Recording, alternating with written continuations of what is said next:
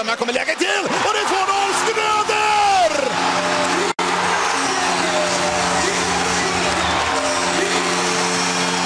Och stället går bananas! Fullständigt! Gälleräven Center jublar! Hej och välkomna ska ni vara till Svenska fans Modopodd.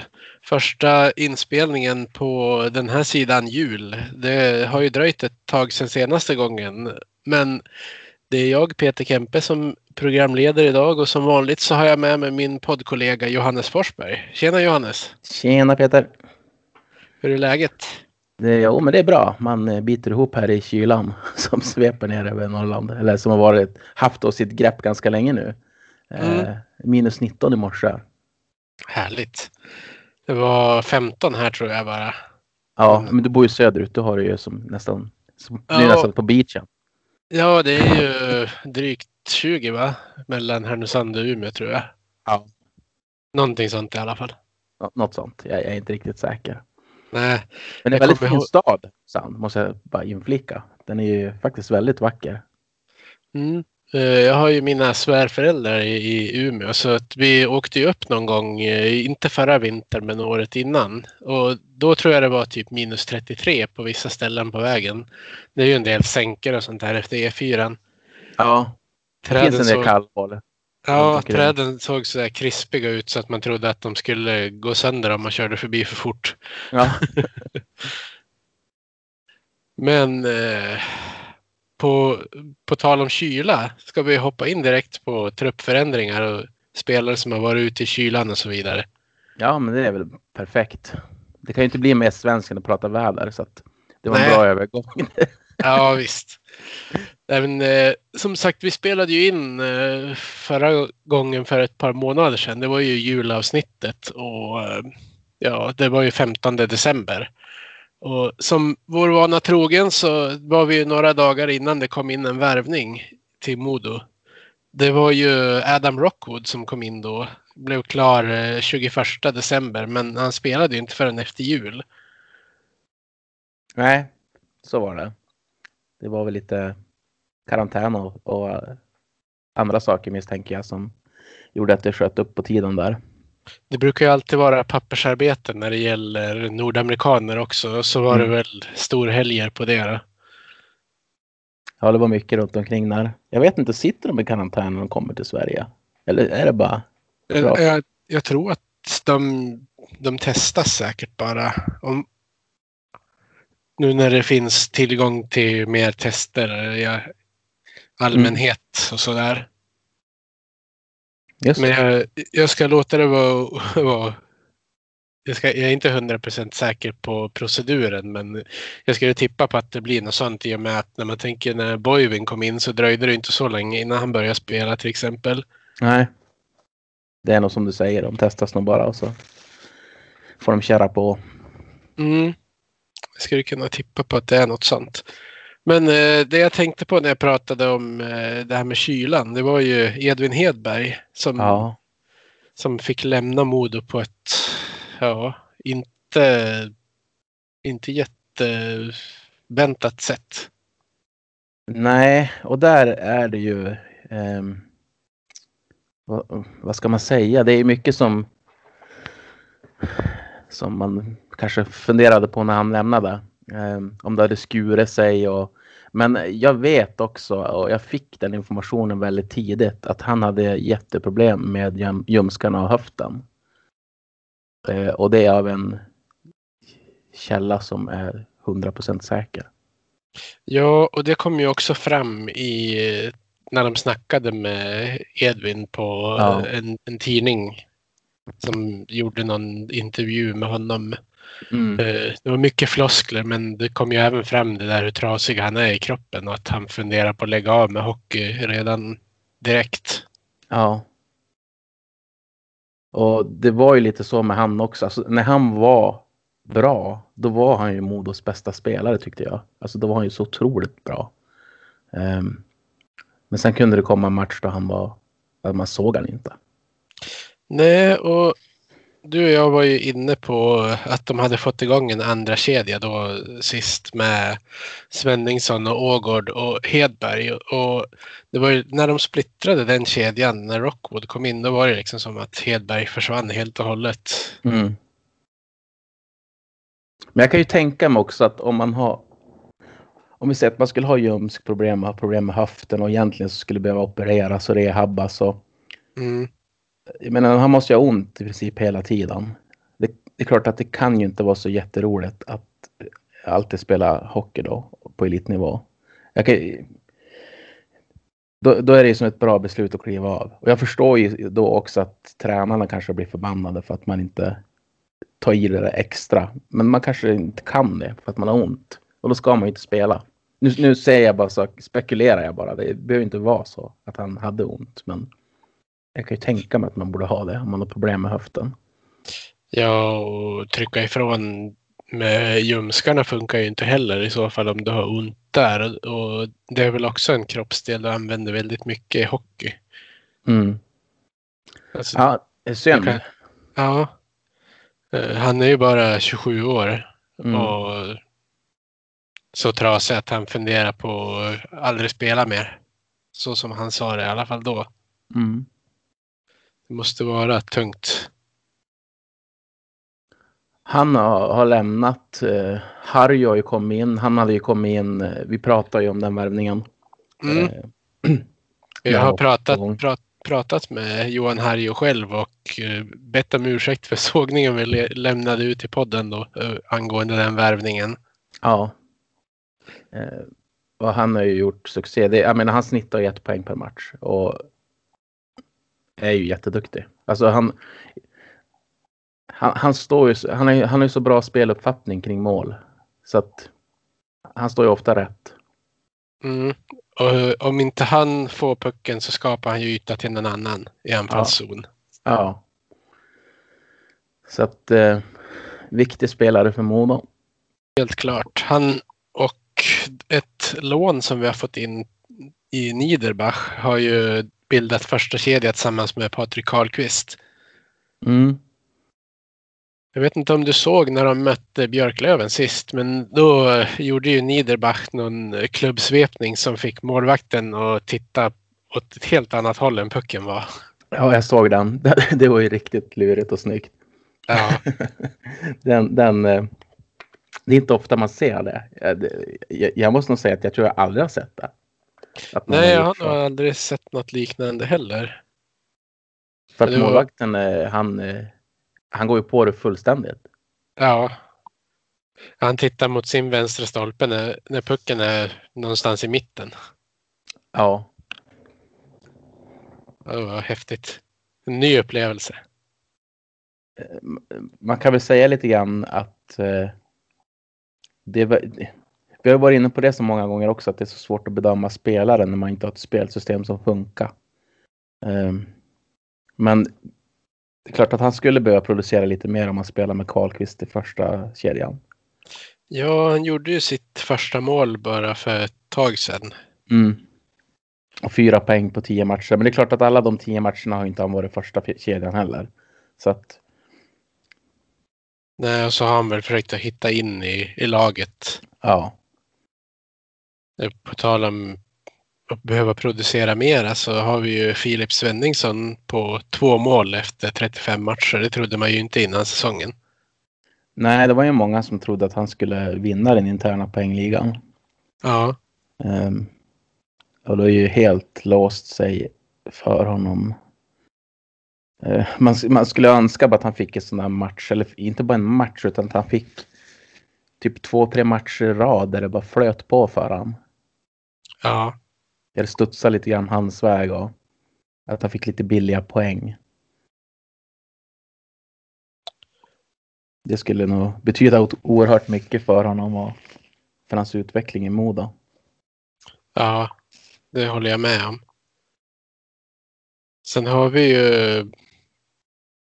Det är ju Patrik Karlqvist som leder den interna poängligan. Han har ju gjort 29 poäng på 28 matcher. Mm. Ja, men det är en klassspelare. Karlqvist. Det är inget snack om saken. Han tillhör ju den yttersta eliten i Hockeyallsvenskan. Ja, det roliga är att den som har varit inne på flest mål framåt, det är Frank Corrado. Mm. Han har varit inne på 28 mål framåt. Ja, men det är väl Nu- också klass, klassback tycker jag. Eh, kanske en, en av få backar som kommer undan med godkänt. Ja. Ja, Backsidan har ju varit en akilleshäl i den här upplagan av Modo, helt klart. Ja. Eh, vi får se hur det blir nu då med nya tränaren. Hur det Ja, kommer han har se ut. Ja, för det har ju blivit ett tränarbyte också. Ja. Ett till. Precis, och det är ju, då har ju Per Styv och Urban Omark fått kliva åt sidan och in har, eh, ja, först kom ju Peter Piva Johansson in som någon form av bollplank till dem. Mm. Men nu är han kvar som assisterande tränare till nya huvudtränaren Magnus Sundqvist. Vad säger du om det Johannes? Ehm, ja, men det känns väl nästan som att det var tvunget att bli så. Eh, styv och Omark, de har ju jobbat stenhårt för att försöka vända på det här, men har inte lyckats. Eh, ja, och jag tror att det är bra att ta in en sån där gammal erfaren räv som vet vad han gör. Försöka styra upp det här Modo lite grann. Sen tycker jag också att Modo ska försöka behålla Styv och Omark i, i, i organisationen. De steppar egentligen bara upp för att i, det inte fanns någon annan just då som kunde steppa upp. Eh, och så mycket som de älskar Modo och så mycket som de har gett Modo och så mycket som de kan ge Modo så tycker jag att båda ska vara kvar. Inte som tränare kanske i det här laget självklart, men i andra roller. Ja, jag är ju en av dem som förespråkade att de skulle få en chans att leda laget. Men så som det blev nu så, som jag skrev i min krönika, så de hade ju inte bara gått in i väggen utan de hade ju borrat sig halvvägs in till grannen också. Så det, det var ju tvunget att hända någonting. Ja, Sen, sen ska de ha all cred för att de i en svår situation eh, tog på sig ansvaret att göra det här. Eh, sen hur det, hur det blev är ju en annan sak. Men jag kan ju tänka mig att de har, de har gjort allt de har kunnat och de har blödigt Modo i alla de här månaderna som de har hållit på. Ja, precis. Och, och jag tänk, jag var ju också inne på det redan efter förra säsongen när Björn slutade. Att jag trodde att Per Styr var redo att ta över huvudansvaret. Och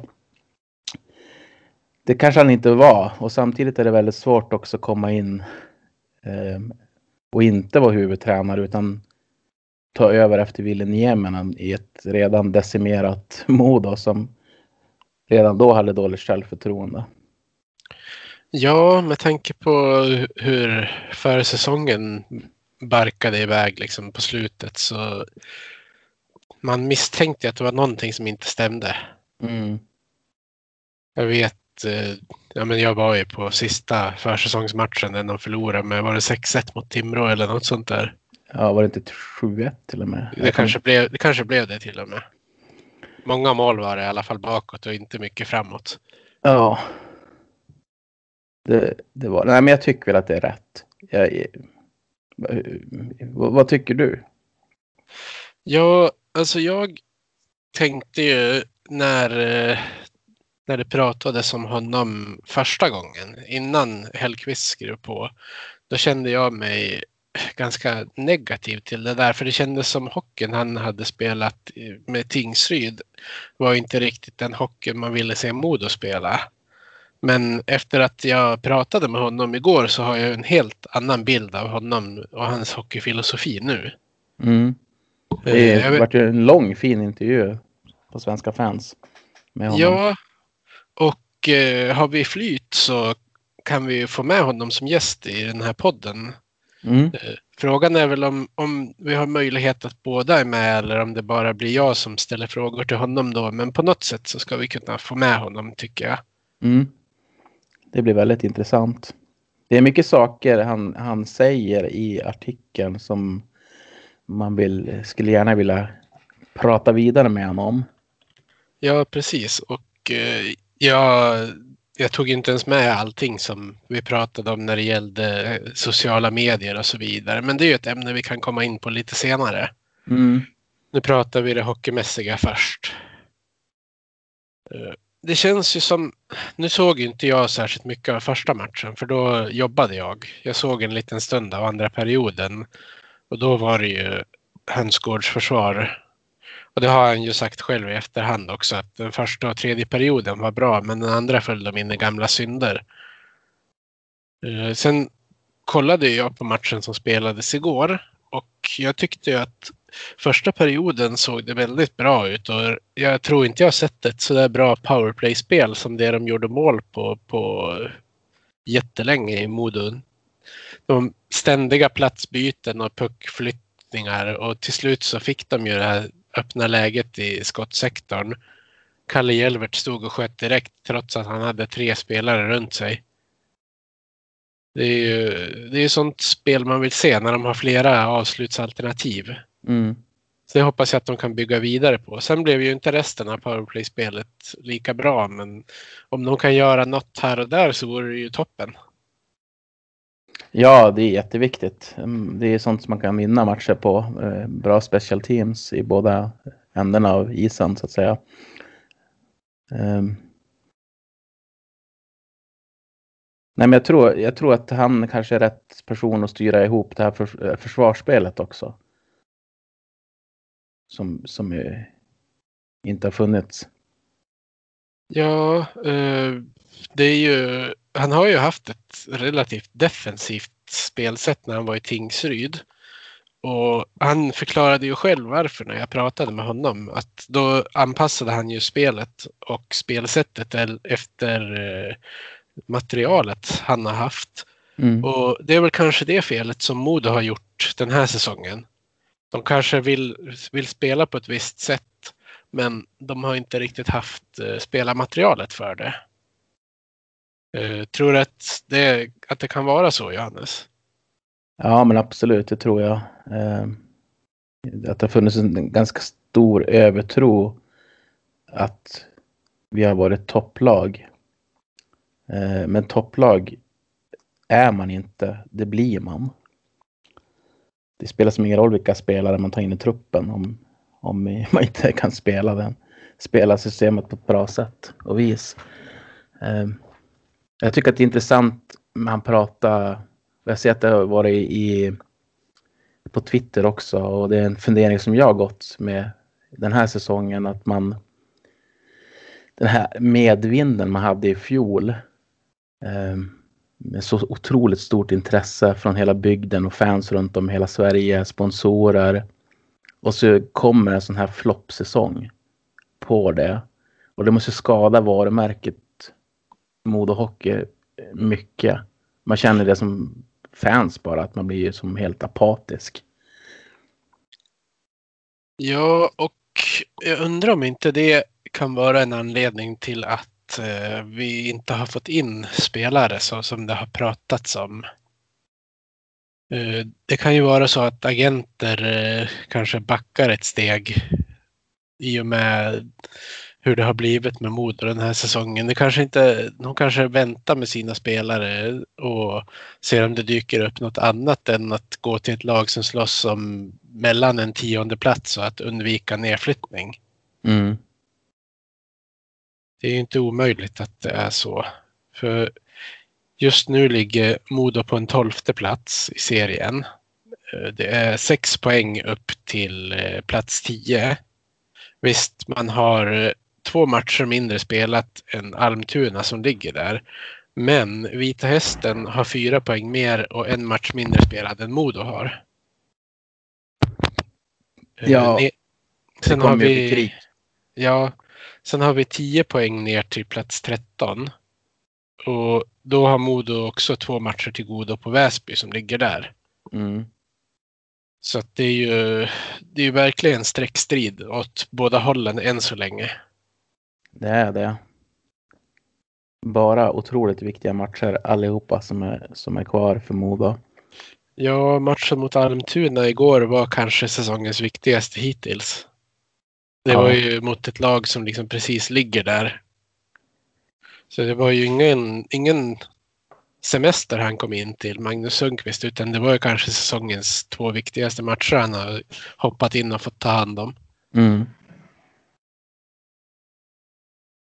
Jag vet ju att Fredrik Glader jobbar ju väldigt intensivt för att förstärka laget. Men att det, det känns ju lite grann som att, som jag sa nyss, att Modo är väl inte det attraktivaste laget på marknaden just nu. Och det beror säkert på det som du pratade om. Ja, det, det kan nog vara en del sanning i, i, i det. Och, eh, jag tänker så här att jag vet inte riktigt hur man ska göra. Men alltså det, det måste till en monumental självrannsakan. Vi har varit fem säsonger i Hockeyallsvenskan. Vi pratar hela tiden om att vi ska vara topplag i Hockeyallsvenskan. Vi är den rikaste klubben i Hockeyallsvenskan. Vi har bara en bra säsong. Mm. Egentligen två. En som vi kom på sjätte plats. Men den är ju inte lika bra som den som var i fjol. Nej, Men den, är egentligen, om, den, den ser man ju i proportion till de andra säsongerna. Om man har den rikaste klubben i Hockeyallsvenskan, eh, man har det här varumärket som Modo Hockey har, så är en sjätteplats egentligen inte bra. Tycker jag. Den är ju bra bara för att det kom 12 av 10 åren innan. Ja, men samtidigt så hade det...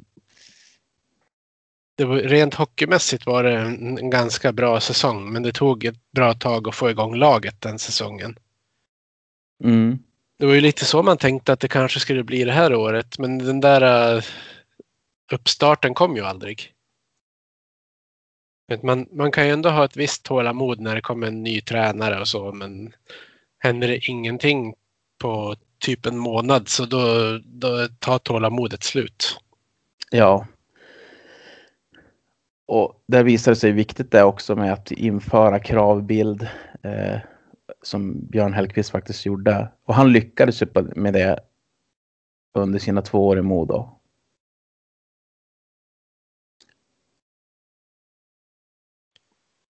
Ja, det kändes som att han visste vad han ville ha in också. Ja, Eh, Den här gången så då tog vi in spelarna först och tränaren sist. Och frågan är ju hur rekryteringen av Ville Nieminen gick till.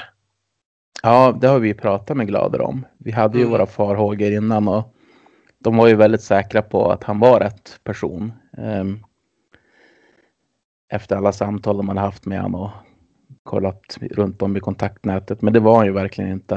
Eh, tyckte det såg ut som att det fattades ganska mycket i hans hockeykompetens faktiskt om jag ska vara ärlig. Han kanske skulle må bäst av att kanske vara assisterande tränare och snappa upp lite och lära sig. Men ja, vad vet jag. Eh, han har ju säkert haft en väldigt stor hockeyintelligens när han har spelat och så, men det är ju inte automatiskt att man blir en bra tränare för att man har varit en bra spelare. Nej. Och sen måste vi säga också att det är samma person som under de här två åren byggde upp Modo, Björn Hellkvist, är ju också orsaken att vi hamnar i situationen där vi måste rekrytera spelare före tränare. För sättet han lämnade på var ju, ja, det var ju bland det det var smutsigaste all, all, all, allt annat än snyggt. Ja. Så att han, han har ju en del, han har en ganska stor del i att den, att det vart dåligt där. Eh, sen skiter ju han såklart i det. Han är ju i Leksand och gör ett bra jobb där nu. Ja, Eh, fram tills han blir less på att vara där och vill någon annanstans. ja, Det är, ju, det, det är ju så han har varit i sin karriär. Om man frågar fans i de klubbar han har varit i tidigare. mm, Men som blåögd som man är så lyssnar man ju på vad han säger också. När han sa till mig att ja, en och en halv månad innan han lämnade att han inte skulle göra samma fel den här gången. ja, Han, han ville ta resan in i mål. Sen den där käftsmällen i april. Ja, eller var det mars till och med han började bråka sig bort. ja. Nej, det var nog kanske i april förresten. Det var, ja, det var inte snyggt. Eh, nej, men det är klart att det, det påverkar också. Men eh, det finns mycket att jobba med i Modo Hockey. En av de absolut viktigaste grejerna, och det har vi fått fråga om också på Twitter av eh, både Robert Eriksson och Magnus funderar lite grann på tränarfrågan. Eh, vem och hur ska vi få till någon sorts, sorts kontinuitet? Och Magnus undrar vem, vem förväntas kunna hantera tränarrekryteringen? Och båda frågorna är ju jätterelevanta med bakgrund till det som har skett. Um, jag har ju hela tiden sedan Björn Hellkvist försvann tyckt att Modo Hockey ska gå all in på Fredrik Andersson som har ett utgående kontrakt med Timrå. Men det är klart, går de upp i SHL så kan det bli väldigt svårt att få honom. Snarare omöjligt. Mm. För eh, blir, om, om de inte går upp med tanke på säsongen de har gjort så är det ju ett misslyckande och då har de ju en möjlighet att göra sig av med honom. Men går han upp så kommer de ju mer eller mindre vara tvungna att ha kvar honom som huvudtränare. Ja, nu tror jag att, inte, eh, nu tror jag att Timrå vill ha kvar honom. Jag menar, ja, alltså, det är ju bara att kolla på deras resa sen de fick han. Ja, nu, nu menar jag inte att de inte skulle vilja ha kvar honom och bli tvungna, men alltså det är ju, han känns ju som deras första alternativ oavsett. Men jag tror att enda möjligheten att han inte skulle förlänga det är om de skulle misslyckas med att gå upp. Mm.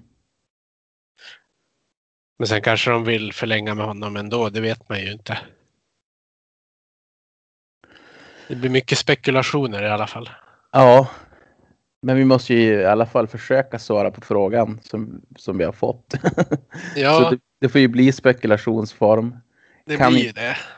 Kan inte Fredrik Andersson så vet jag inte riktigt. Kalin kommer ju alltid upp. Han har ju jag varit tveksam till för att jag tycker att Västervik är så fruktansvärt tråkiga. Men han gör antagligen som eh, eh, Magnus Sundqvist fått göra i Tingsryd, att anpassa materialet efter ja, det man, helt enkelt för att överleva. Ja. Uh, sen är ju frågan hur Sundqvist kommer att avsluta den här säsongen. För uh, om han avslutar bra så nog skulle jag vara öppen för att han kan få vara kvar ett år till med möjlighet att vara med och påverka rekryteringen av spelare och så vidare. Mm. Hans... Hans kontrakt är ju till säsongsavslutningen nu. Ja. Han säger själv att han var väldigt nära Modo innan han gick till Brynäs. Ja, det var väl kanske det att Hellqvist bröt sitt kontrakt då och Mm. dök upp på Modos radar. Annars kanske han hade varit Modos tränare. Ja. Han, har ju, han sa ju själv att han har ju följt Modo ganska nära på grund av att han var så nära att hamna där. Ja, det är väl det som ligger närmast till hans. Att om han lyckas och få ordning på det här Modo upplagan så kommer han antagligen bli erbjuden ett kontrakt nästa han- säsong.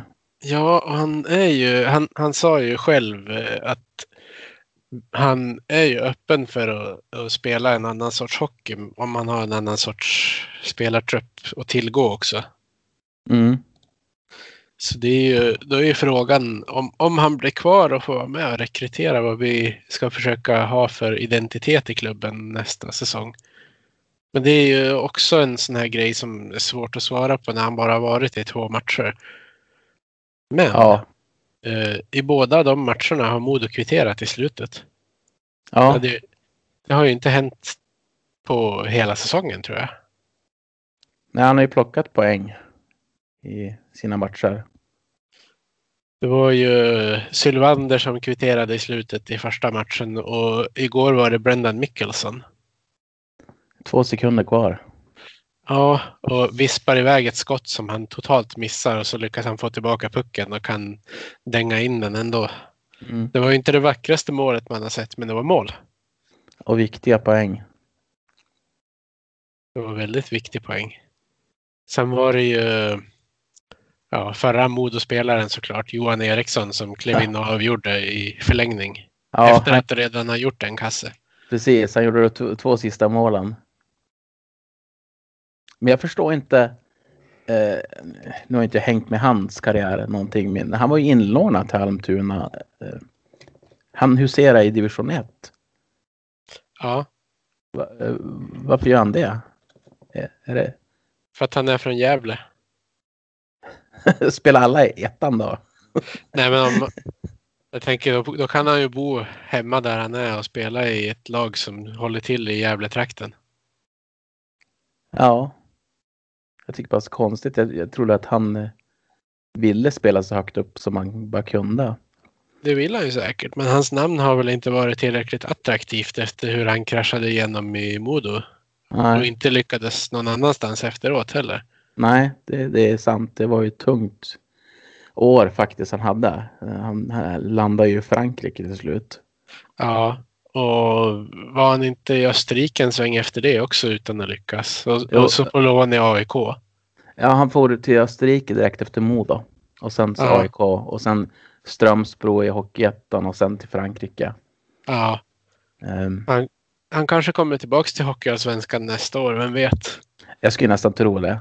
Ehm, med tanke på hans produktion i Hockeyettan och eh, hur han visar upp sig nu i Almtuna också.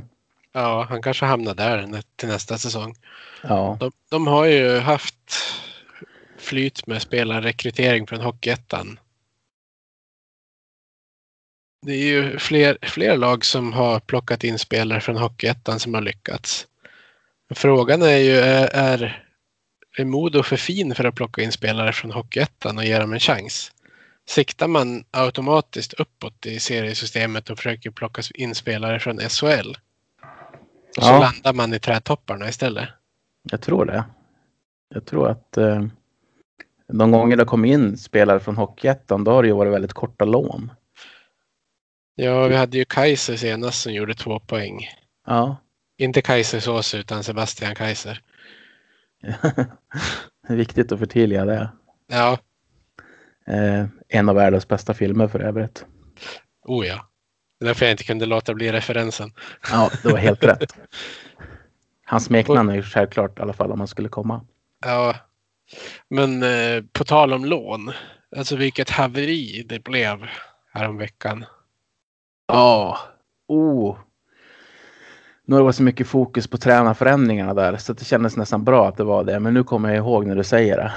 Ja, eh, William Vorge Crow, eller hur det nu uttalas, Mm. skulle ju lånas in till Modo. Han hade till och med börjat åka upp och det hade presenterats på officiella hemsidan. Sen inser man att man har lånat för många spelare från SHL. Ja.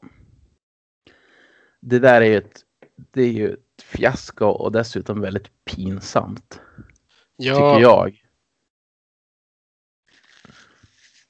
Jag förstår inte hur man kan hamna i den situationen att man kommunicerar ut det officiellt innan man har 100% kött på benen. Det är jättemärkligt. Ja. Det... Ja, det, det är precis som du säger ett haveri bara. Alltså det... Man vill nästan inte prata om det. Det är så pinsamt. Ja. Och det har ju varit, vad är det, tre två matchers lån. Nej, två två matchers lån från SHL. Och så Theodor Niederbach då. Som, Ja. som gjorde att den här värvningen inte var möjlig. Och nu är Vorge Kreu klar för spel i Väsby istället. Som jagar oss i tabellen. Mm. För, för att liksom sprida lite extra salt i såren. Va, vad hoppas du att Glader söker efter nu? För vi vet ju att han jobbar intensivt med rekrytering av nya spelare. Ja, jag har ju haft kontakt med honom faktiskt till och med lite grann nu när vi har suttit och spelat in. Eh, han hade tyvärr inte möjlighet att vara med. Vi hade ju en förhoppning om att han kanske skulle ha tid att svara på några frågor men han jobbar för intensivt för att ha möjlighet till det och det förstår jag när det är sista veckan innan transferfönstret stänger. Eh, men det, det jag hoppas på det är ju att man skulle kunna få tag på en riktig defensiv pjäs i försvaret. Mm någon som skulle kunna ge lite stadga till, ja men till exempel William Wallinder. Han behöver ju spela med någon riktig defensiv pjäs. Han är ju den som har varit inne på absolut flest baklängesmål till exempel. Mm. Det finns ju mycket potential i Wallinder men det är ju, han är ju mest offensiv. Han behöver jobba lite på tvåvägsspelet och då kanske han behöver någon, någon som är, har det som sin styrka. Ja. Så Men tror du, ju- att tror du bara han jagar en spelare? Nej, jag tror att han försöker få in fler spelare. Men det är väl vad jag i första hand skulle vilja se. Ja. Det ju, känns som en utopi att få in en ny första center. Då hade det redan funnits någon på plats. Ja, så är det ju. Men det är ju såklart de två positionerna som Modo blöder. Ja, backsidan och centersidan. Eh, egentligen en, en eh, rimlig andra målvakt också, men det, det tror jag man väntar med faktiskt. Ja, det, är ju, det har ju kommit ett rykte om Tex Williamson till exempel. Och att man skulle låna ut någon tredje målvakt till Oskarshamn i utbyte. Men det känns ju inte som prio ett ändå. Nej, det gör inte det. Jag menar, Wiklund har varit borta hela säsongen i princip. ja, Eh, Jag vet inte ens, hans comeback-datum ändras ju hela tiden. ja, han har ju börjat åka skridskor nu men han kan ju inte belasta händerna på så sätt att han kan spela hockey nu. Nej, Så det är ju, man får väl räkna bort honom den här säsongen för han kommer ju inte vara någon ledande spelare om han väl kommer tillbaka och kan spela. är inte Corrado skadad också? Corrado och Dalroth är skadade också. Så det, Mm. det skriker ju efter spelare till backsidan. Ja, nej men det är ju ett måste att få in. Mm. För som jag känner det och runt Hugo Styv också så är ju inte han riktigt redo att ta en sån där stor roll som han har fått ändå den här säsongen. Nej. Men det, det, det har ju slagit hårt mot de här juniorspelarna att det har varit så ka kaotiskt på backsidan. Eh, både Styv och Wallinder. Jag tycker att Wallinder också har fått för mycket istid i relation till hans prestationer. Ja, men så blir det ju när man inte har särskilt mycket till konkurrens. Ja, det är ju så. Och Dalrot har ju spelat så otroligt omständigt. I alla fall under Styva och, eh, Nieminen. Det har ju varit... Ja, eh. han borde ha sådana där eh, stöt stöt. Du säger, elstötar man kan få. Så här. Det finns vissa spel. Han borde ha sådana i handskarna. Så varje gång han inte lägger det där första passet som finns helt öppet som han struntar i att lägga. Då ska han få en sån jävla stöt. Ja, Så kanske lär sig. börjar med det på träningen. Ja, men det är så många gånger han åker bara och det kommer ett jättefint läge att slå den där öppnande passningen ut ur egen zon så att eh, forwards kan komma med fart genom mittzon. Nej, men då ska han åka två meter till. Mm. Ja, han ska ta mittlinjen innan han gör sig av med pucken. Ja. Så det, det, jag efterlyser det. Om det är någon i Modos ledning som lyssnar så har ni fått ett bra tips av mig nu att drilla spelare. Elchockshandskar, ja. Ja, jag tror på det. Eh, sen har, vi har ju fått in Michael Boivin som har tagit över den här första backspositionen nu när Corrado har varit borta. Mm. Han snittar ju nästan 25 minuter per match. Och gör det godkänt tycker jag. Jag vet inte hur mycket du har sett av honom. Jag vet ju att du har... I princip ingenting. Nej, för du skre- skrev väl av ditt abonnemang eller någonting va? Jajamän. 4 januari. Sen, sen, sen 4 januari har inte jag sett någon match. Jag har bara följt via media. Mm. Och jag har mått bra. Ja, det är väl ändå viktigast. Ja. Nu, nu blir man ju lite sugen och sådär ändå. Man man blir ju... ja, två matcher i rad har vi tagit poäng. Ja, då börjar man tänka, ja, kanske, kanske jag comeback snart. Jag väntar några matcher till. plats fem och plats sju i interna poängligan ligger Jesper Lindgren och Alexei Heponiemi. Just det. De så, ja, så det, det är några stycken som skulle kunna klättra i den interna poängligan och skulle behöva göra det för att det ska gå bra. Ja. Sebastian Olsson har lika många poäng som Heponiemi men på 20 fler spelade matcher till exempel. Ja, om man pratar om Svenningsson och han har haft det tungt så är ju Sebastian Olsson också en spelare som det har gått tungt för. Eh, ja, ändå har det väl gått bättre i, i slutet än för Svenningsson. Fast Sebastian Olsson startade ju kanske bland de bästa men sen blev Fast det han gjorde inte mycket poäng. Han, hade, han ledde ju den interna poängligan i början. Sen, jo, men han låg ju på typ 3-4 poäng. Han låg på, låg på fem poäng i typ en månad. Ja. Det vore intressant att se en sån här kurva över vart man har legat poängmässigt. Lite grann som de kan göra med tabellpositioner och så vidare. En, en liten graf med hur man har legat till skulle man kunna se vilka som har hållit ungefär samma nivå, vilka som har stannat upp och så vidare. Men det är ingenting som jag har tillgång till just nu. Det här kanske är någon som gillar att göra sånt där.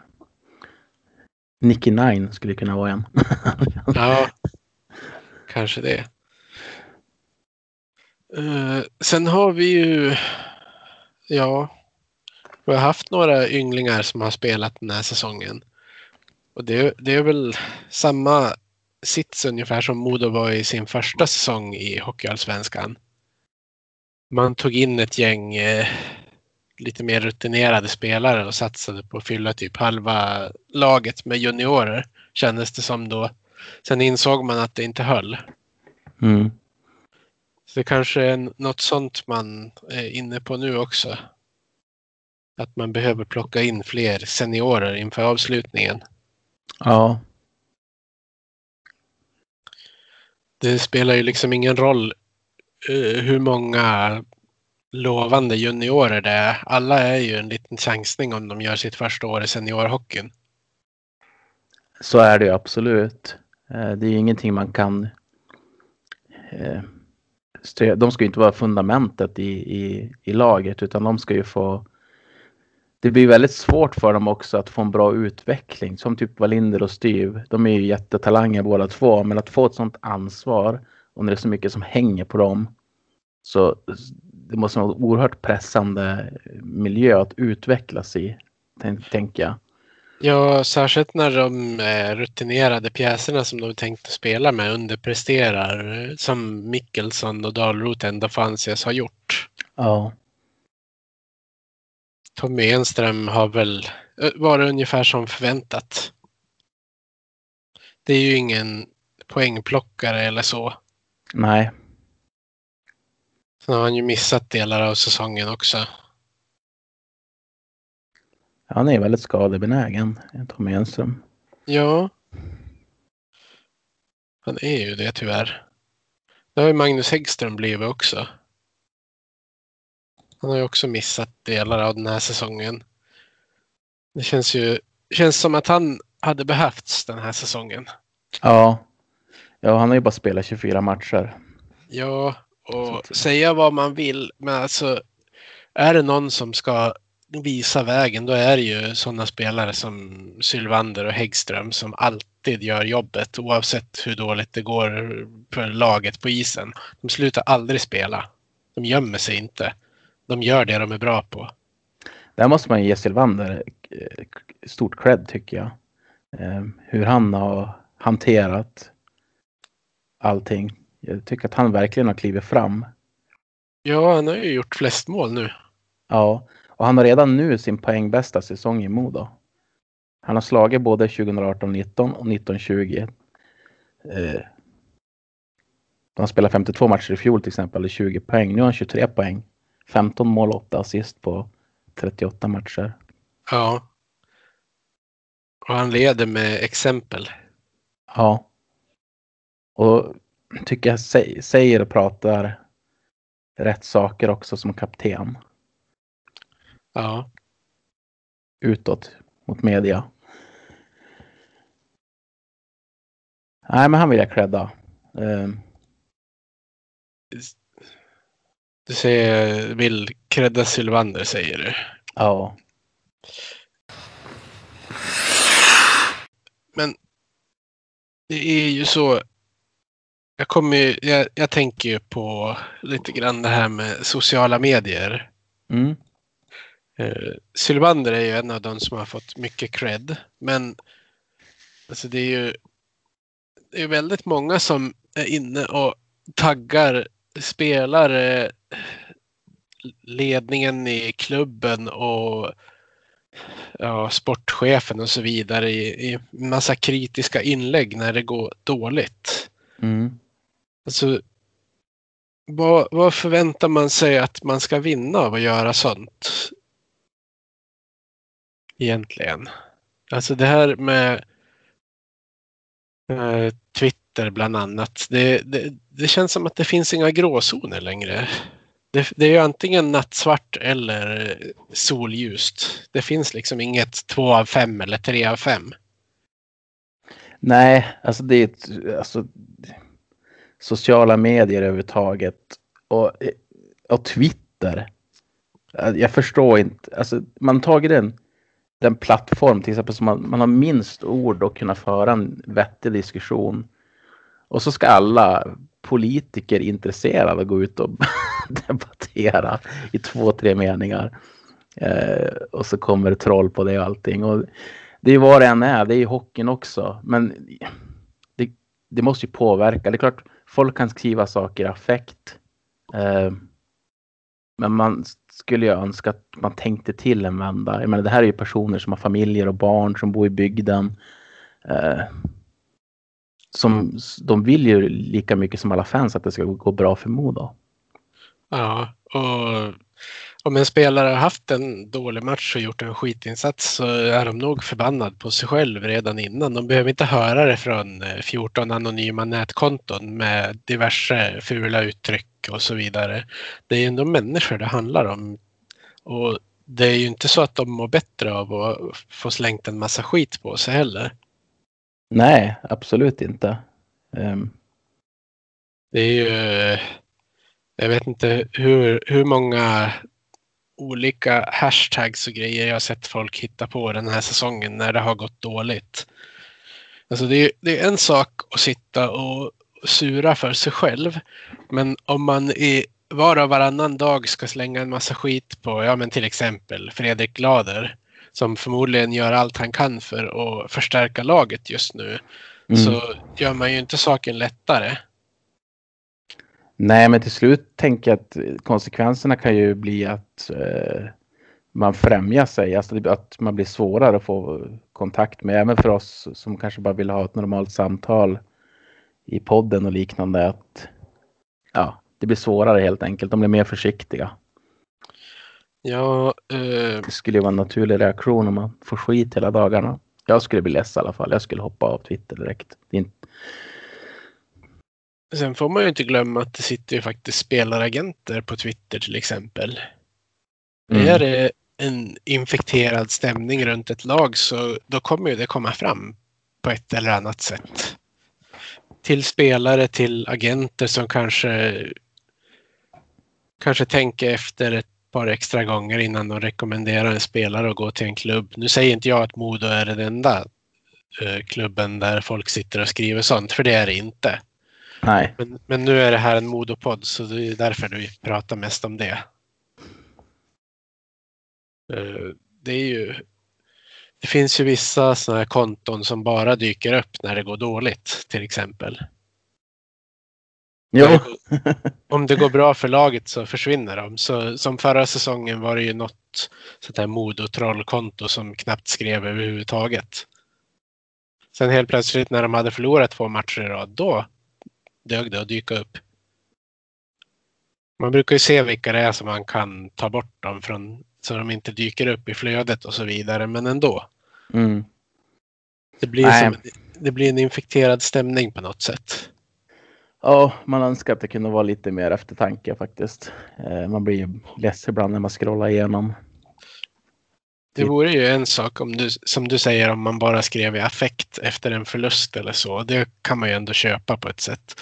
Ja, men vi Men- gör ju det i vår grupp. Vi har ju en grupp tillsammans, du och jag och Mm. Björn. Där kan vi skriva saker i affekt, men vi lägger ju inte ut det till eh, offentligheten att titta på för att vi är besvikna över en match. Nej, och Absolut brukar inte se- någon spelare eller, eller sportchef eller något sånt. Då tror jag inte vi hade fått så många i vår podd heller om vi hade betett oss på, på det viset. nej, det tror inte jag heller. Och man, jag pratade ju om sociala medier en del med Magnus Sundqvist också. Han sa ju att det har ju till och med gått så långt att en del har letat fram spelarnas privata nummer och hört av sig med diverse grejer och hot och så vidare. Nu, nu handlade inte det om just Modo utan det är sånt han har varit med om tidigare i karriären. Men jag vet ju personligen att till exempel Jonathan Bjurö drabbades av det när han var i Modo. Det Okej. var ju någon, någon match han hade gått ut bakom mål och gett bort pucken så det blev mål. Då hade han ju fått en massa Modo-fans som hade hört av sig. Och jag menar, en, en spelare som har gjort ett sådant misstag, de mår ju inte bättre av att det är en massa folk som hör av sig. Då kan jag tänka mig att de säkert hör av sig på natten och sånt också. Mm. Så det, det blir liksom inte den önskade effekten, om man säger så. Nej, det blir det ju inte. Det, är ju, det har blivit ett väldigt infekterat klimat på, på en del sådana här grejer. Jag såg senast häromdagen någon som först taggade Fredrik Lader och frågade händer det någonting nu? Det är spelare klar för andra klubbar. Varför händer det ingenting för oss? Och sen säg, svarar liksom tystnaden säger väl sitt eget och sen taggar fyra journalister på Allehanda och Expressen och frågar om de har hört några rykten och sådär. Jag menar vad, vad, vad önskar man att man ska få ut av något sånt där? Ja, jag vet inte. Det känns bara ja, olustigt. Ja, det är inte trevligt. Det är det inte. Sen säger ju inte jag att man inte ska få interagera med de som har Twitter. Det är inte så, men man kan ju tänka på hur man gör i alla fall. Jag har suttit och tänkt på det här ganska länge nu. Sett liksom hur folk beter sig och så vidare. Det har kliat i fingrarna och svarat på, på Twitter. Jag har gjort det i något läge där det har liksom dykt upp samma kritik som det har gjort i över ett år angående vissa situationer och så. Men man kan ju inte ta den kampen varje gång det är någon som skriver någonting. Då Nej. skulle, då skulle man inte få göra annat. Min tanke i alla fall nu när jag har ett, ett forum att uttrycka det i. Ja, nej men det tycker jag är bra. Det är, ja, man tänker ibland också när man ser vad som skrivs att hur, hur orkar de?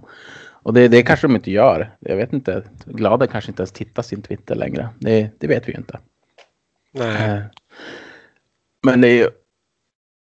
Ja, jag skulle inte göra det i alla fall. Och han har ju ett jobb att fokusera på också. Men, men vi kan väl ta den bollen ändå. När jag ändå pratar om sportchef och glad där.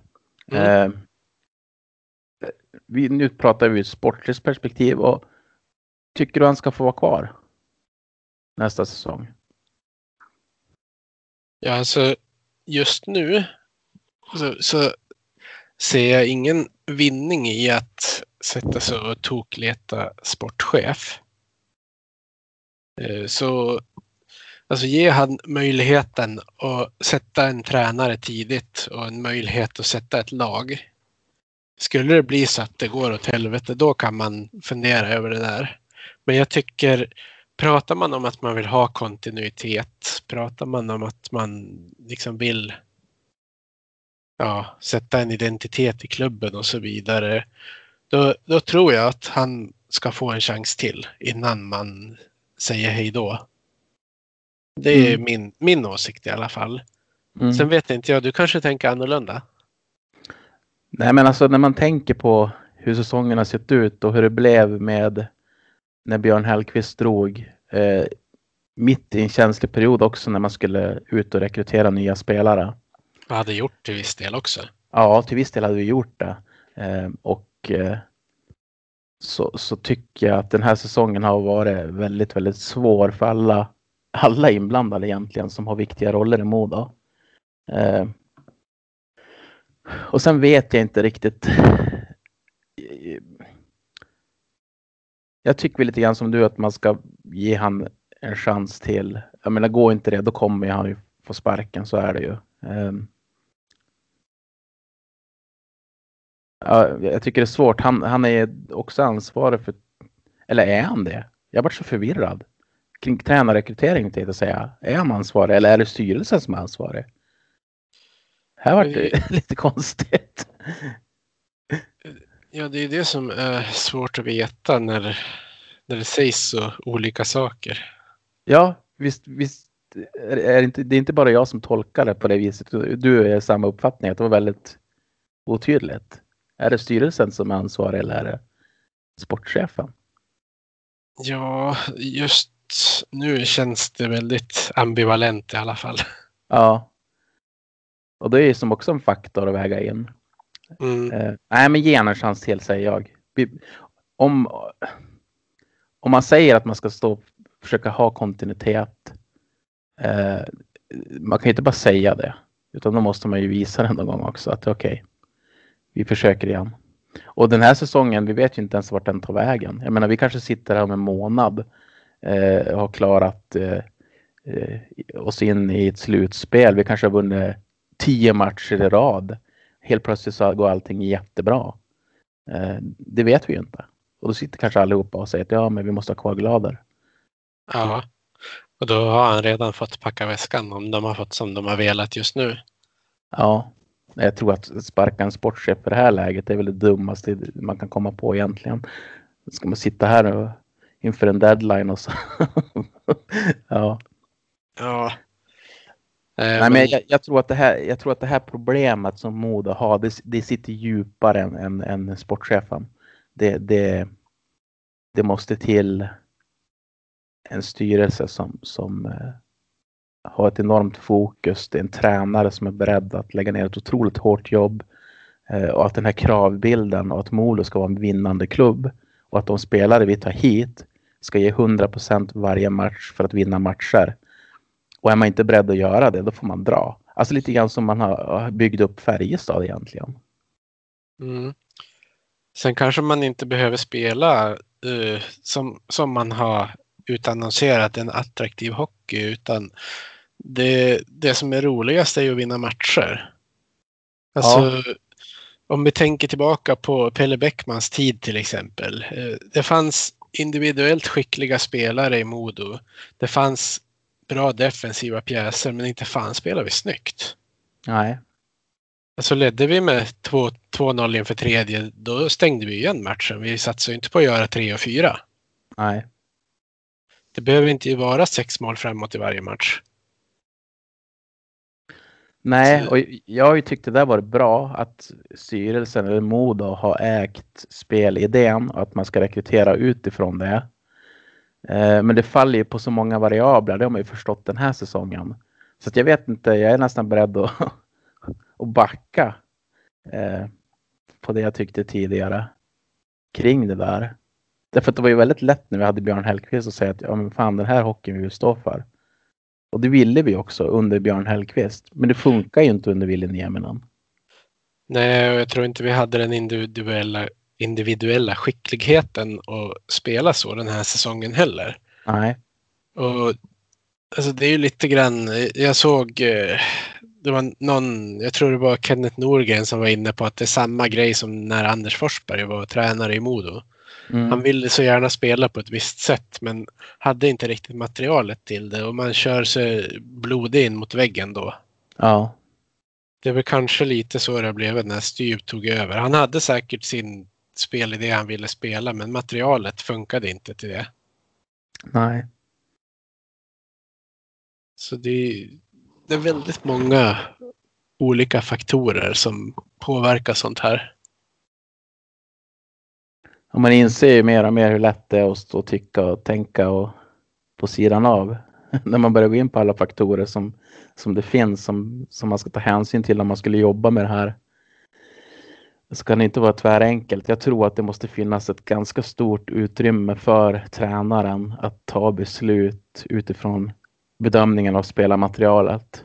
Mm. Hur, vilken hockey som är den som är vinnande. Och sen om det är en tok defensiv hockey som är tråkig för fans att titta på. Men det är ju någonting man får jobba med över tid. Då. Det viktigaste är ändå att plocka poäng under resans gång eh, och, och, förstå att man är inne i en process från A till B till C. För nu kändes det som de senaste två säsongerna hade ju Modo hittat en identitet, eh, ett spel och en, ja. Jag tycker kravbilden verkade finnas där också. Alltså Björn Hellkvist ja. tummade inte på den något, på något sätt utan det var, det var ganska stenhårt. Mm. Men sen var det som att en del försvann inför den här säsongen. Mm. Visst, det är väldigt mycket spetskompetens som har behövt eh, ersättas och så vidare. Men det, det har inte blivit som vi ville kan vi kort säga. Man skulle kunna diskutera det där i, i tid och evighet men det är ju, vi har ju sett hur det har gått. Det ja. räcker liksom så. Ja, nu har vi pladdrat mycket. Jag vet inte om vi har sagt något vettigt den här podden. Men vi, vi har i alla fall pratat om en del saker. Mm. Jag misstänker att vi får anledning att återkomma ganska snart framöver. Ja, om inte annat så har vi ju en deadline som stänger. Är det på måndag kanske? Jag för mig att det var den 15 det här året. Mm. Det är i alla fall inte långt kvar tills, tills deadlinen är över och då kanske det har kommit in någon fler spelare. Det kommer säkert komma in någon eller några spelare. Eh, Magnus kommer ha mer tid att eh, sitta med laget och få jobba med dem. Eh, ja, men det ska bli intressant att se hur, hur eh, avslutningen blir helt enkelt på den här säsongen. Ja, för vi har ju 38 omgångar spelade. Mm. Vi ska ju upp i några fler innan vi är färdiga. Så det är ju det finns ju fortfarande potential för att det kan hända något med säsongen. Det beror ju helt och hållet på hur de får ihop liksom den närmsta framtiden. Ja. Det, är, det är liksom både spännande och jobbigt som fans. Det är... Vad säger du Johannes? Ska vi avsluta första delen? Jag tror vi avslutar första delen och så får vi hoppas att vi har Magnus med oss eh, senare idag. Mm.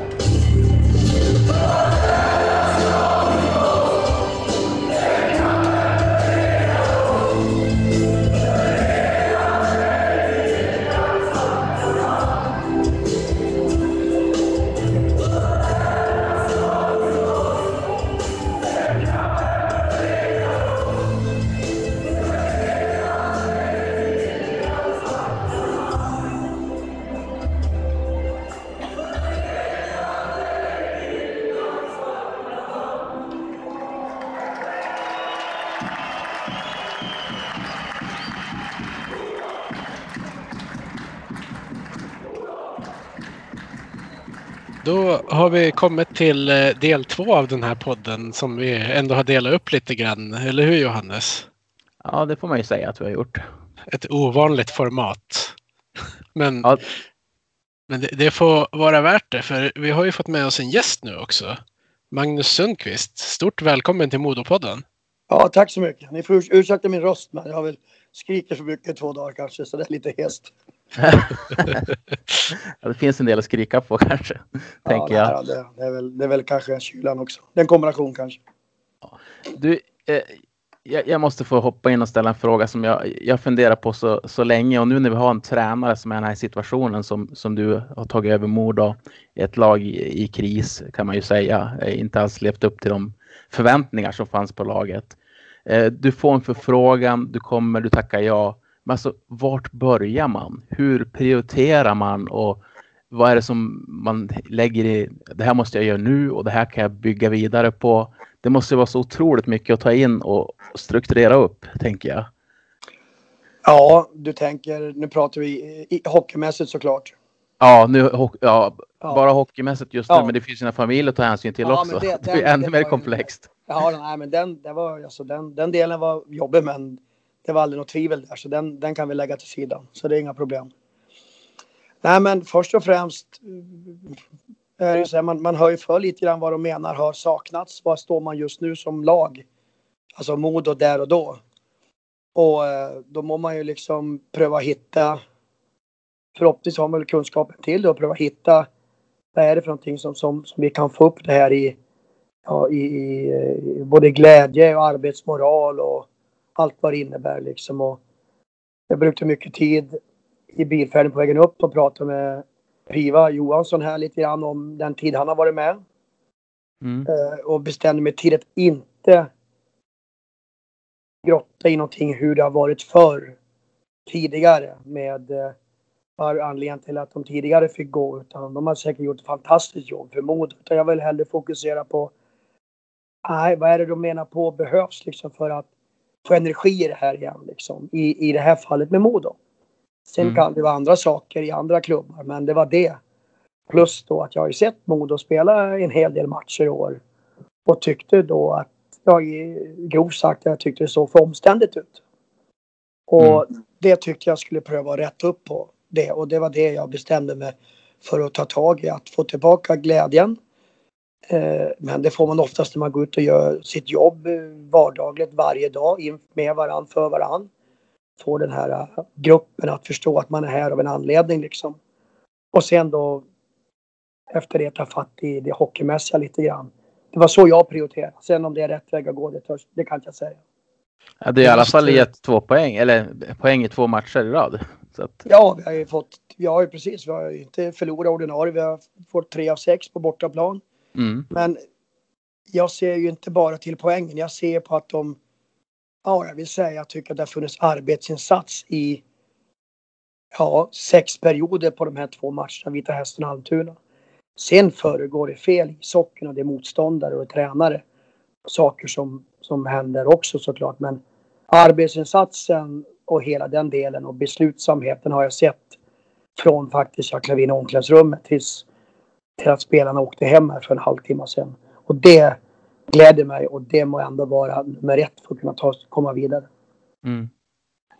Jag, jag har en följdfråga från intervjun vi gjorde igår. När du sa att eh, du satt och pratade med folk på hela vägen fram. Var, satt, satt alla upp eh, mitt i natten då för att få det att funka? Eller hur, hur Ja, ja, precis. Alldeles riktigt. Eh, kanske inte helt klockan fyra, fem på morgonen, men i vart fall fram till ett, två hade jag både Glader i telefon, jag hade Piva Johansson, han sa det bara ringa, så vi satt säkert i tre timmar i telefon och pratade om hur jag vill ha det, han vill ha det och det, det klickade på en gång att det kändes rätt. Och sen valde jag också att prata med några spelare. Där jag kommer att tala om att så här blir det nu framöver. Och eh, så här vill jag ha det och det stämde överens med hur de ville ha det. Och eh, ja, för att lägga linjen lite grann att det här kan ni förvänta från imorgon nu. Alltid viktigt är att, att Mm. implantera saker och, eh, och så blev det. Och samtidigt fick några ja, valmöjligheten att kanske inte vilja vara med på det utan att det ska vara så dramatiskt som tidningarna gjorde till att de fick upp oss upp kontrakten. Det var inte det. Det var bara att de som är här nu vill vi ska vara med på det. De som inte är eniga i det här, de, de får faktiskt valmöjligheten att göra någonting annat. Svårare än så var det inte. Och det tror jag är viktigt att sända de signalerna. Nu, nu byter vi blad och går framåt och glömmer det som har varit. Det, det, var, tänkt... det, gick fort att köra bil faktiskt, det måste jag säga. Och det var värt det för att det vart mycket gjort bara i bilen fram till fredag morgon. Både i planläggning, hela biten där. Så det, det var värt varenda mil och tid för och ett jäkla engagemang från de här uppe i Modo som var, var tillgängliga i stort sett hela natten. Ja, jag förstår det. Du lär väl bli igenkänd på stan kan jag tänka också nu när du har hunnit vara med i alla möjliga sammanhang. Så ja, men det, där, det där får man ta. Det, det var jag både i Norge och i Tingsryd och i Gävle. Så att det där är... Det får man förstå när man är tränare för liksom stadens stolthet eller vad man är spelare eller man är ledare. Då, då får man ta det och man måste gå där i med och man måste gå där i motgång. Man kan inte gå och gömma sig utan då får man vara där och jag har inga problem med det. Om jag så skulle jag förlora två matcher på rad så har jag gått på Ica då. Ja. Den stora boosten kommer nu vet du Magnus med Modopodden. ja, ja, det kanske jag står ja. ja, ja. Du, ja. Det är kul att se alla, alla liksom Modo och alla fans som finns i hela Sverige. Jag har ju nära, nära släktingar som är helt Modo-fanatiker liksom. Som, som, så jag har ju på sidlinjen följt med det här väldigt tätt faktiskt. Det har jag gjort genom ett par år då. Så det, kul att se att det är så fruktansvärt intresse kring mod och det tycker jag också att det ska vara. Kan det vara lite skrämmande eller? Eh, Inte för min med, del. Nej, jag tänker med så fanatiska fans som det kan vara här uppe i, nej, i Vikstrakten. Nej, det är det inte. Det var ingen skillnad i Brynäs. Jag kan också säga så här. Det var ingen skillnad i Norge heller, i Danmark eller Tingsryd.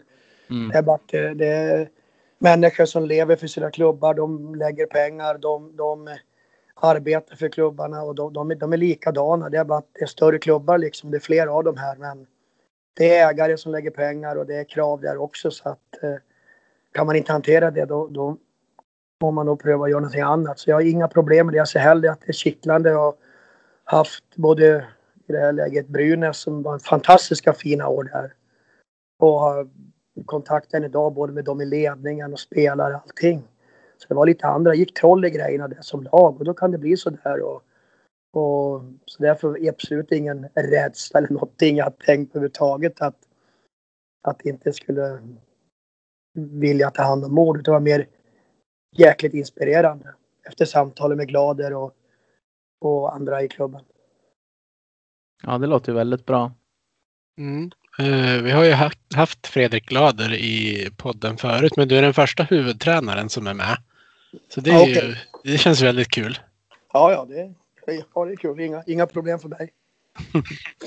får, får jag ställa en fråga som kanske är lite svår? Eh, den, den, du, du, får se den mer generell, Magnus. Ja, eh, för, för oss är den lite specifik, men du ju precis kom in i klubben. Men det pratas, alltså Modo hade ju Björn Hellkvist som du vet i, under ja. två säsonger som var väldigt framgångsrika, speciellt den, den i fjol då.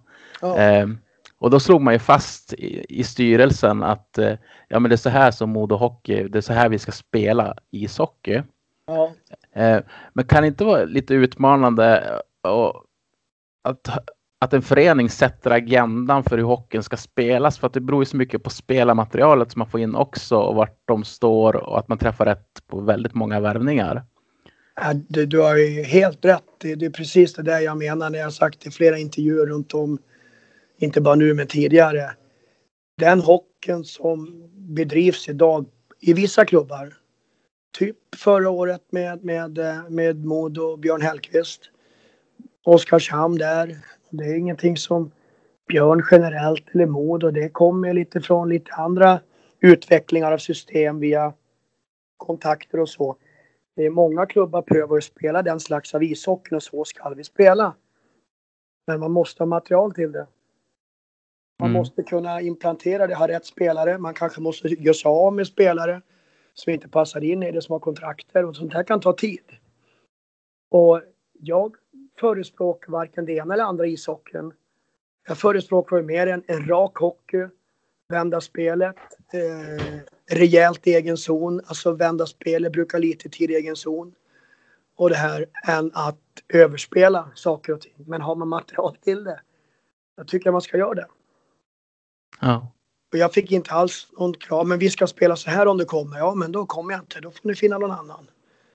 Utan det gäller att få pröva att vinna matcher för Modo Hockey, nummer ett. Och sen kan Modo sätta sig ner när de vill bestämma att ja, men det här ska vi ha i Modo. Det här vill vi stå för framöver. Det kanske tar tre år innan man hittar den identiteten. Den typen av spelare in. Den typen av spelare kvar. Men att tro att man gör det bara på en gång.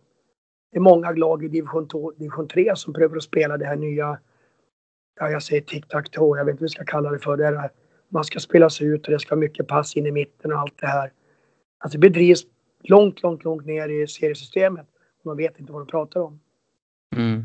Så jag tycker att det handlar om, handlar om att spela efter sitt material och sina resurser och hitta, okej okay, det här passar oss. Vill vi sen hitta ett sätt att spela, ja då får vi börja implantera det med de tränare eller vad det är, spelare.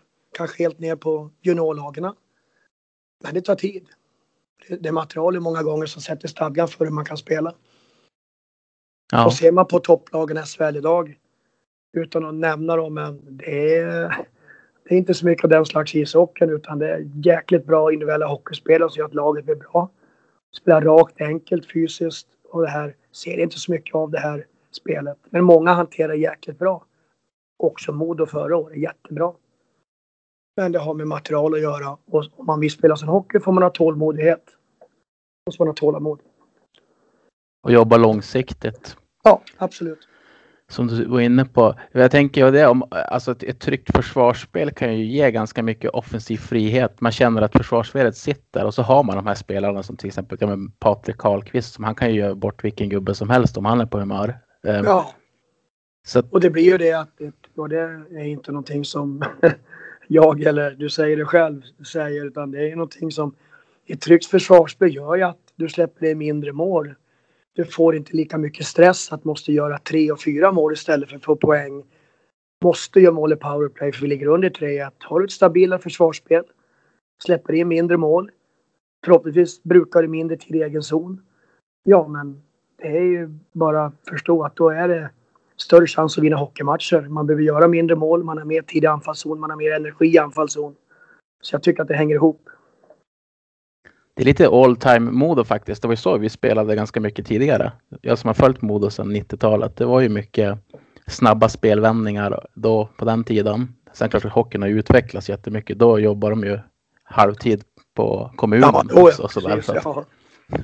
Men det är SHL-lag som spelar så idag. Jag menar, titta de här lagen som är väldigt starka och defense och släpper in knappt två mål i snitt per match och gör två, tre.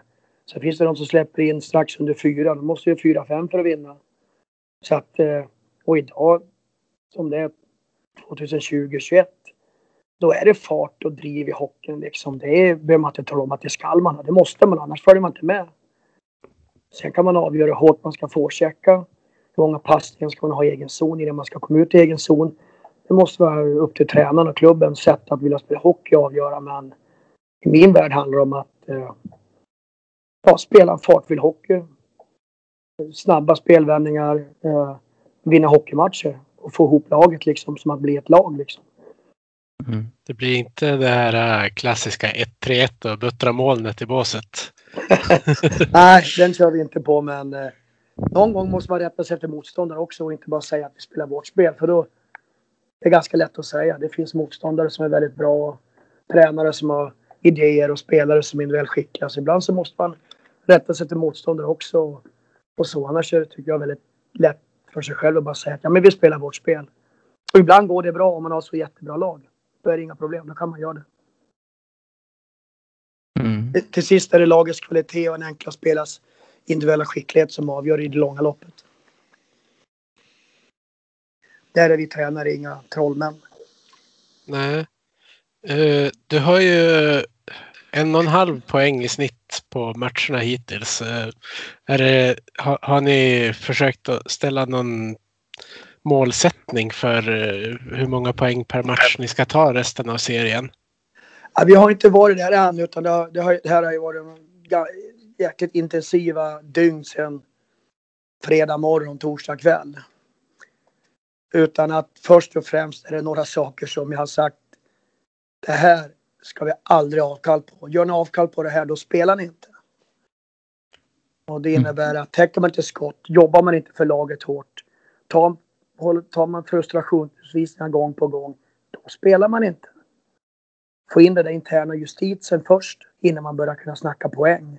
Jag tror att hade jag kommit in och sagt ja vi ska, vi ska ha fem poäng på de här sex matcherna här nu utan att börja tala om lägga grunder för att kunna ta de poängen. Då tror jag vi varit på djupt vatten. Men det får växa fram nu kanske med en ganska intensiv vecka här också. Utan det får växa fram och jag tror får vi det så kommer vi ta fler vinster än vi förlorar menar jag på om vi fortsätter med det här att man är ett lag och vet vad det handlar om, jobbar för varandra. Och då kommer hockeyn också för de har också spelat fin hockey grabbarna de här matcherna också. Mm. Det är ju vad blir det? Det blir tisdag idag. Ursäkta, jag har semester och glömmer bort vilken dag det är. Men uh, det är ju två hemmamatcher härnäst. Ja. Uh, hur kommer ni ladda upp för dem? Ja, vi kom ju hem idag tisdag här klockan ett gjorde vi efter vi har sovit i Gävle natt för att få en ordentlig sömn. Då. Vi har ju kunnat valt att åka direkt från Almtuna och komma hem 5-6 i morse men vi stannade till i, i Gävle och sov där och fick en ordentlig sömn och så vi äter lunch och så gav jag spelarna ledigt idag här på träningen för att komma hem och ja, komma bort från hockeyn. Det har varit väldigt intensivt plus allt som har hänt också tar ju också mentalt liksom. För det var ju tufft besked även spelarna fick när man fick höra att det blir nya ändringar och det är ingenting som är kul att höra för det är människor vi håller på med. Så att mm. Därför var det perfekt att ta den här dagen. Sen åker ni hem och tar hand om familj och vänner och men vi ses tidigare än planerat imorgon för dels analysera matchen sist och även hästen-matchen lite mer ingående. Och sen eh, ja, börja tänka på AIK-matchen imorgon kväll. Så vi tränar. Vi möter halv tio man bitti så tränar vi elva typ till kvart i tolv och sen är det väl lite vila och sen har vi match mot AIK i, imorgon kväll. Den här ja. vilan, komma väck från här nere ibland är också viktigt för, för det mentala. Så de, de fick lägga in väskorna och äta och åka hem idag här.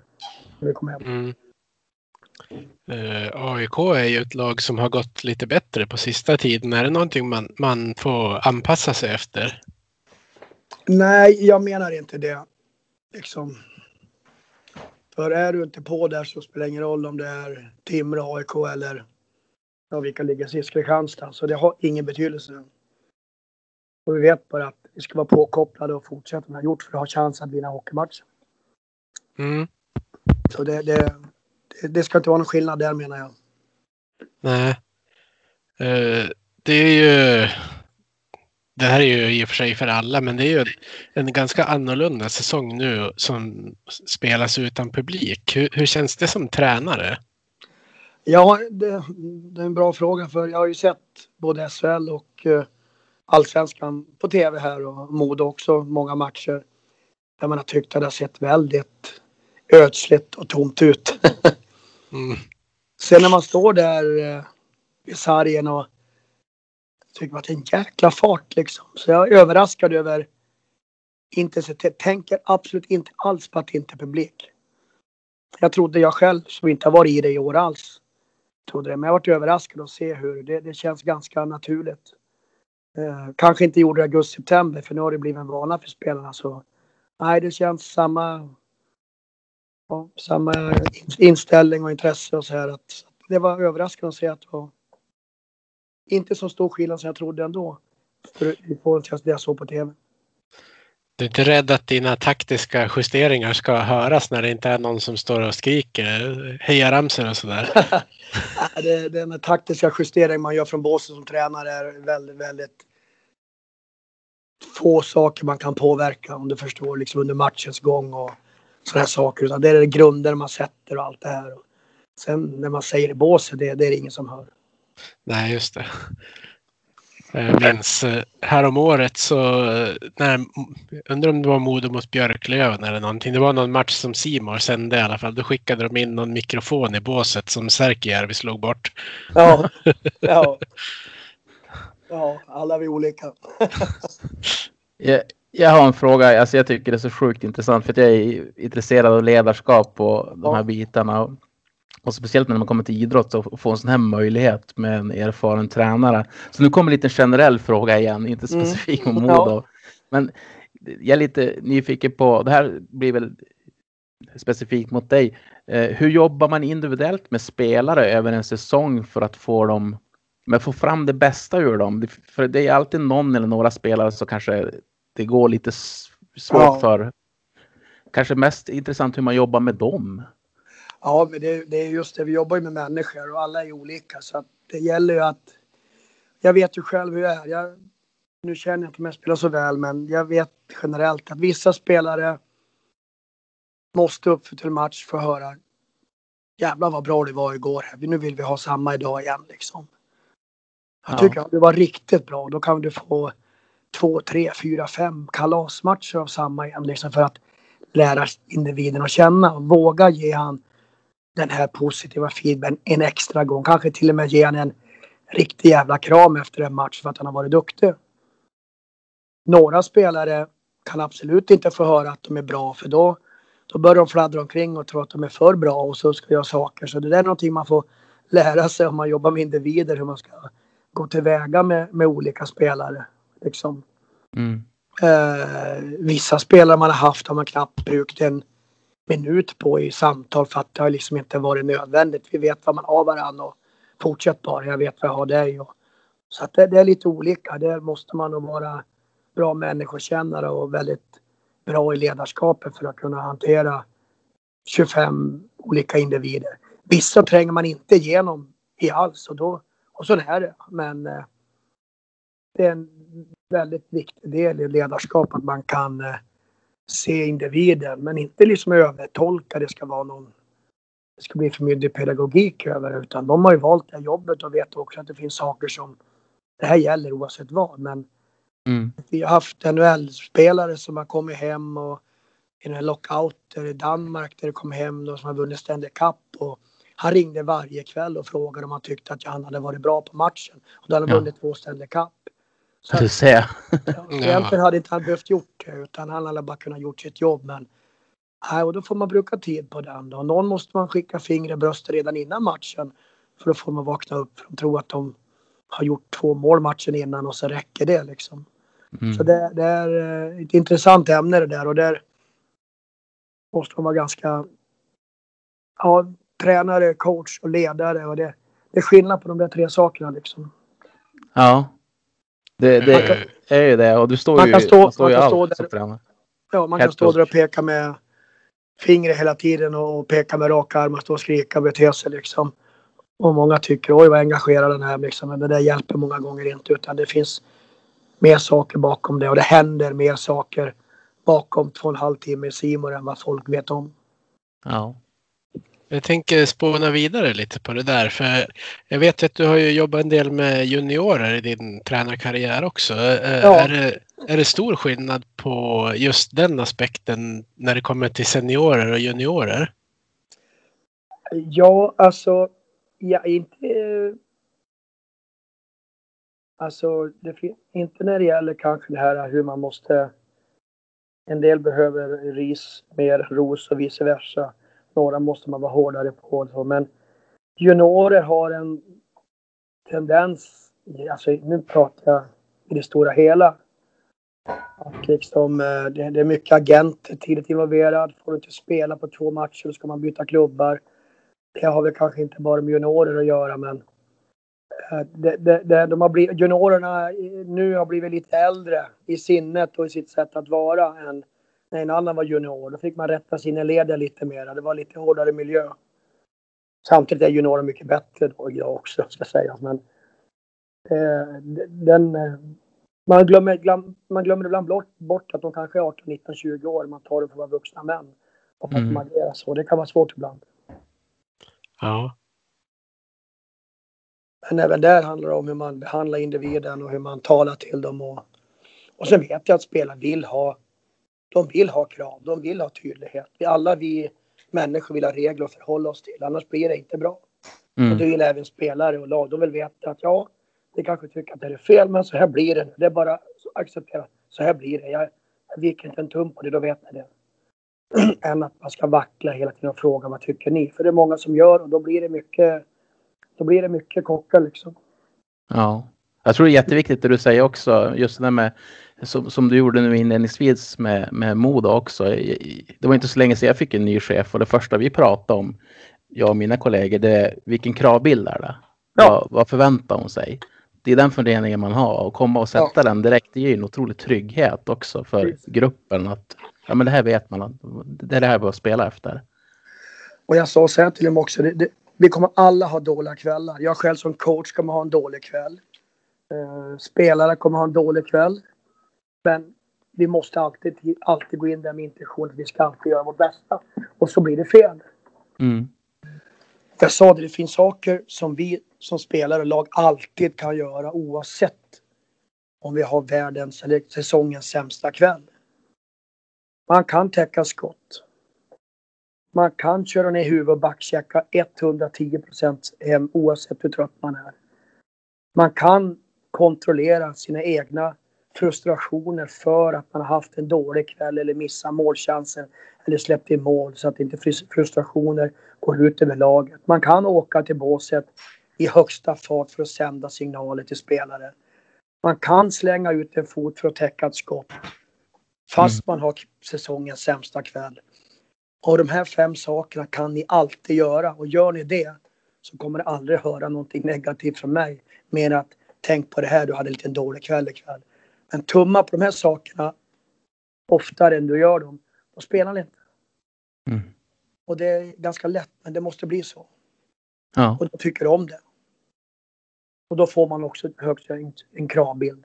Och så ska man ha kul. Vi har jättekul, vi skrattar här och avslappnat. Men när vi kör och kör, då kör vi. Och när åker vi hem, då åker vi hem. Då har man gjort ett bra dagsverk liksom. Och det ska vara kul det vi driver med och inte en belastning.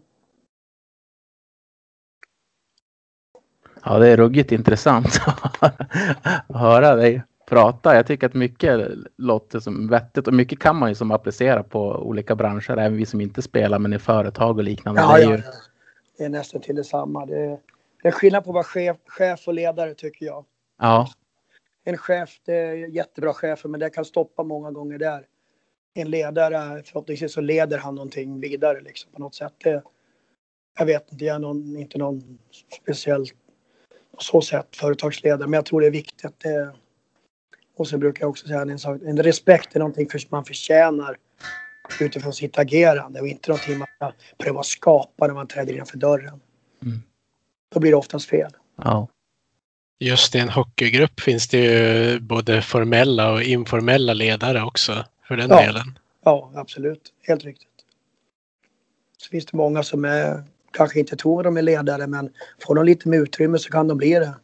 Plus att de kanske hellre leder på isen än att leda kanske i omklädningsrummet liksom. De här två matcherna som ni har spelat nu, eh, eh, känner du att du har fått eh, en del, du känner, men det förstår jag att du, att okej, okay, det här bygger vi vidare på, det, det känns ganska bra. Vad, vad är din känsla efter de här två inledande matcherna? Ja, just, just att det finns, jag har väl sagt det flera gånger, men just att det, jag ser att det lyser en vilja och en dedikering i de här killarna. Ja. De vill att det ska fungera. De är besvikna över det som har varit. Och jag tror det har hämmat dem. Att de har gjort många fans besvikna och alla. Ja men det förstår jag. Sen är det väl liksom grunder till olika saker. Men de har beslutat för att nu vill vi visa det här. Jag tycker man visar det i sex perioder att man vill någonting med det här. Mm. Fallerar inte. Sen har Almtuna en period de var bättre än oss. Vita Hästen var en period bättre än oss. Ja men det är hockey. Det händer liksom. Mm. Sen eh, tror jag säga, de har ju också varit hårt drabbade av skador Modo på ja. viktiga spelare. Det måste de ute i, i stugorna också förstå liksom. Och eh, blir det skador och saker på situationstecken fel spelare, tilltänkta toppspelare, ledande spelare, då, då eh, det sätter sina spår, det vet jag själv.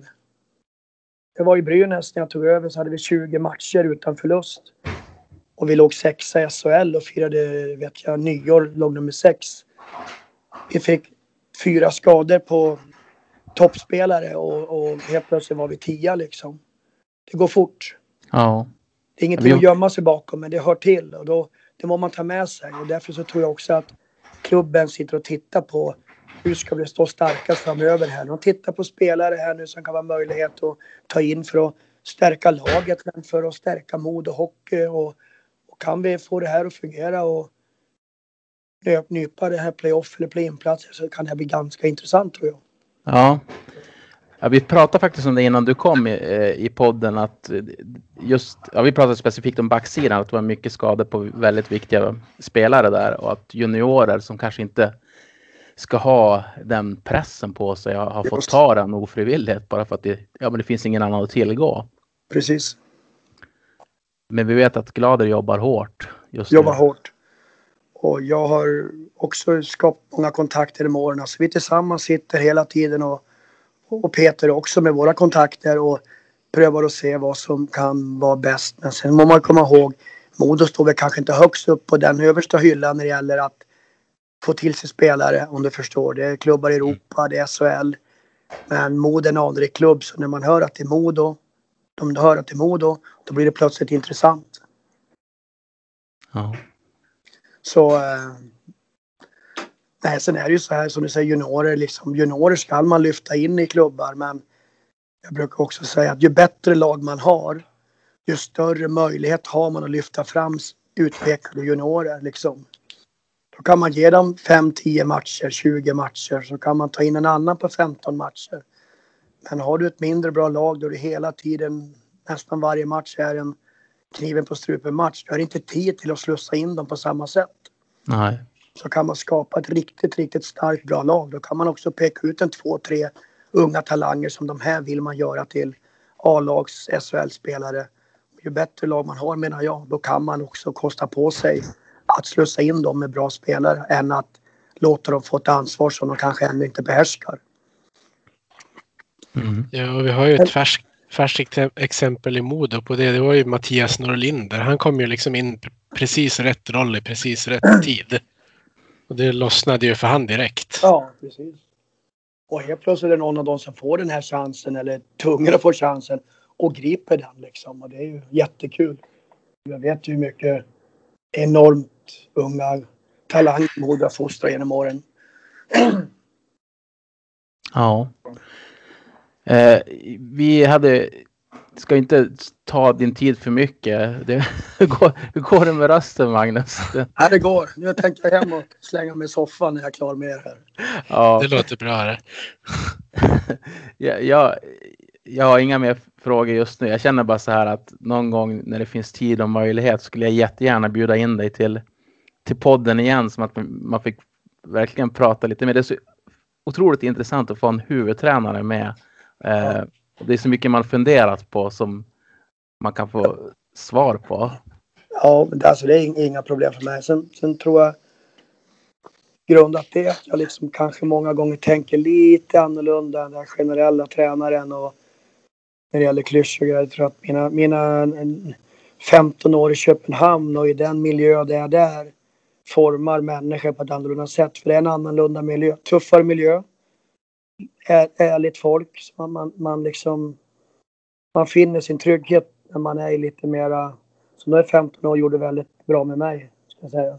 Ja, Så det tror jag också att man får en annan perspektiv i saker och ting och finner sin eget sätt, sin tro på sig själv och sin egen trygghet och jag tror att den måste man hålla fast vid än att följa strömmen och göra som alla andra. Ja, för att jag måste tänka, det måste, när det går tungt i ett hockeylag, det, måste ju alla tränare kanske vara med om någon gång att man har, Oh, ja.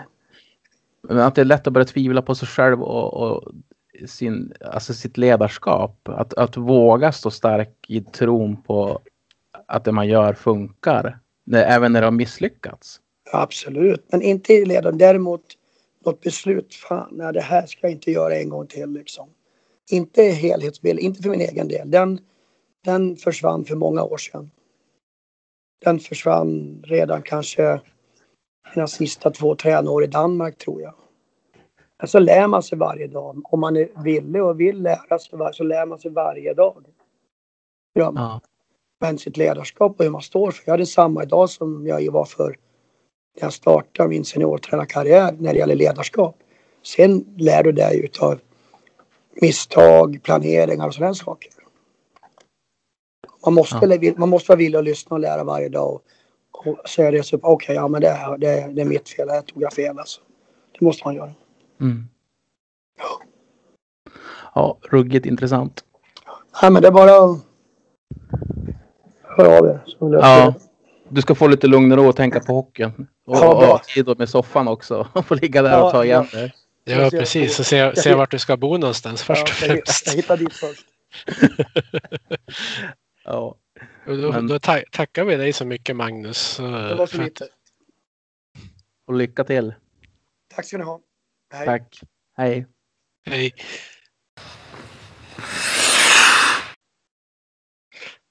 Ja, eh, vill du avrunda med någonting? Eh, ja, men det var jätteintressant att få prata med Magnus och eh, absolut när vi har lite mer tid framöver, eh, eller framförallt han har mer tid, så tycker jag att vi ska försöka boka in han och prata länge med han om olika saker. Det vore otroligt intressant. Som gång kanske vi till och med skulle kunna få med någon supportergäst. Men det är ju Ja. en, sån, en sån sak som är värd att tänka på framöver. Ja. Verkligen. Då så Johannes, då har vi gjort ett lite annorlunda poddformat den här gången. För, för er som inte vet det så spelade jag och Johannes in vår del på förmiddagen och nu spelade vi in delen med Magnus på eftermiddagen. Så det, vi kommer kunna klippa ihop det bra. Det är in, in, ingen snack om det, men det är en liten annorlunda variant att göra. Så jag får tacka så mycket Johannes för att du har hängt med hela dagen. Självklart och tack till alla som lyssnar och kommer med frågor och funderingar. Precis. Och så, så har vi fått ett löfte av Fredrik Glader också att han gärna är med en annan gång. Men han hade inte möjlighet just idag. Så Men det är nog har, intensivt nu för han. ja, man vill ju inte störa i onödan. Tänk om vi skulle orsaka att en värvning inte blir av för att Ja, visst. Så så vi, vi tackar alla som har lyssnat och så hörs vi framöver.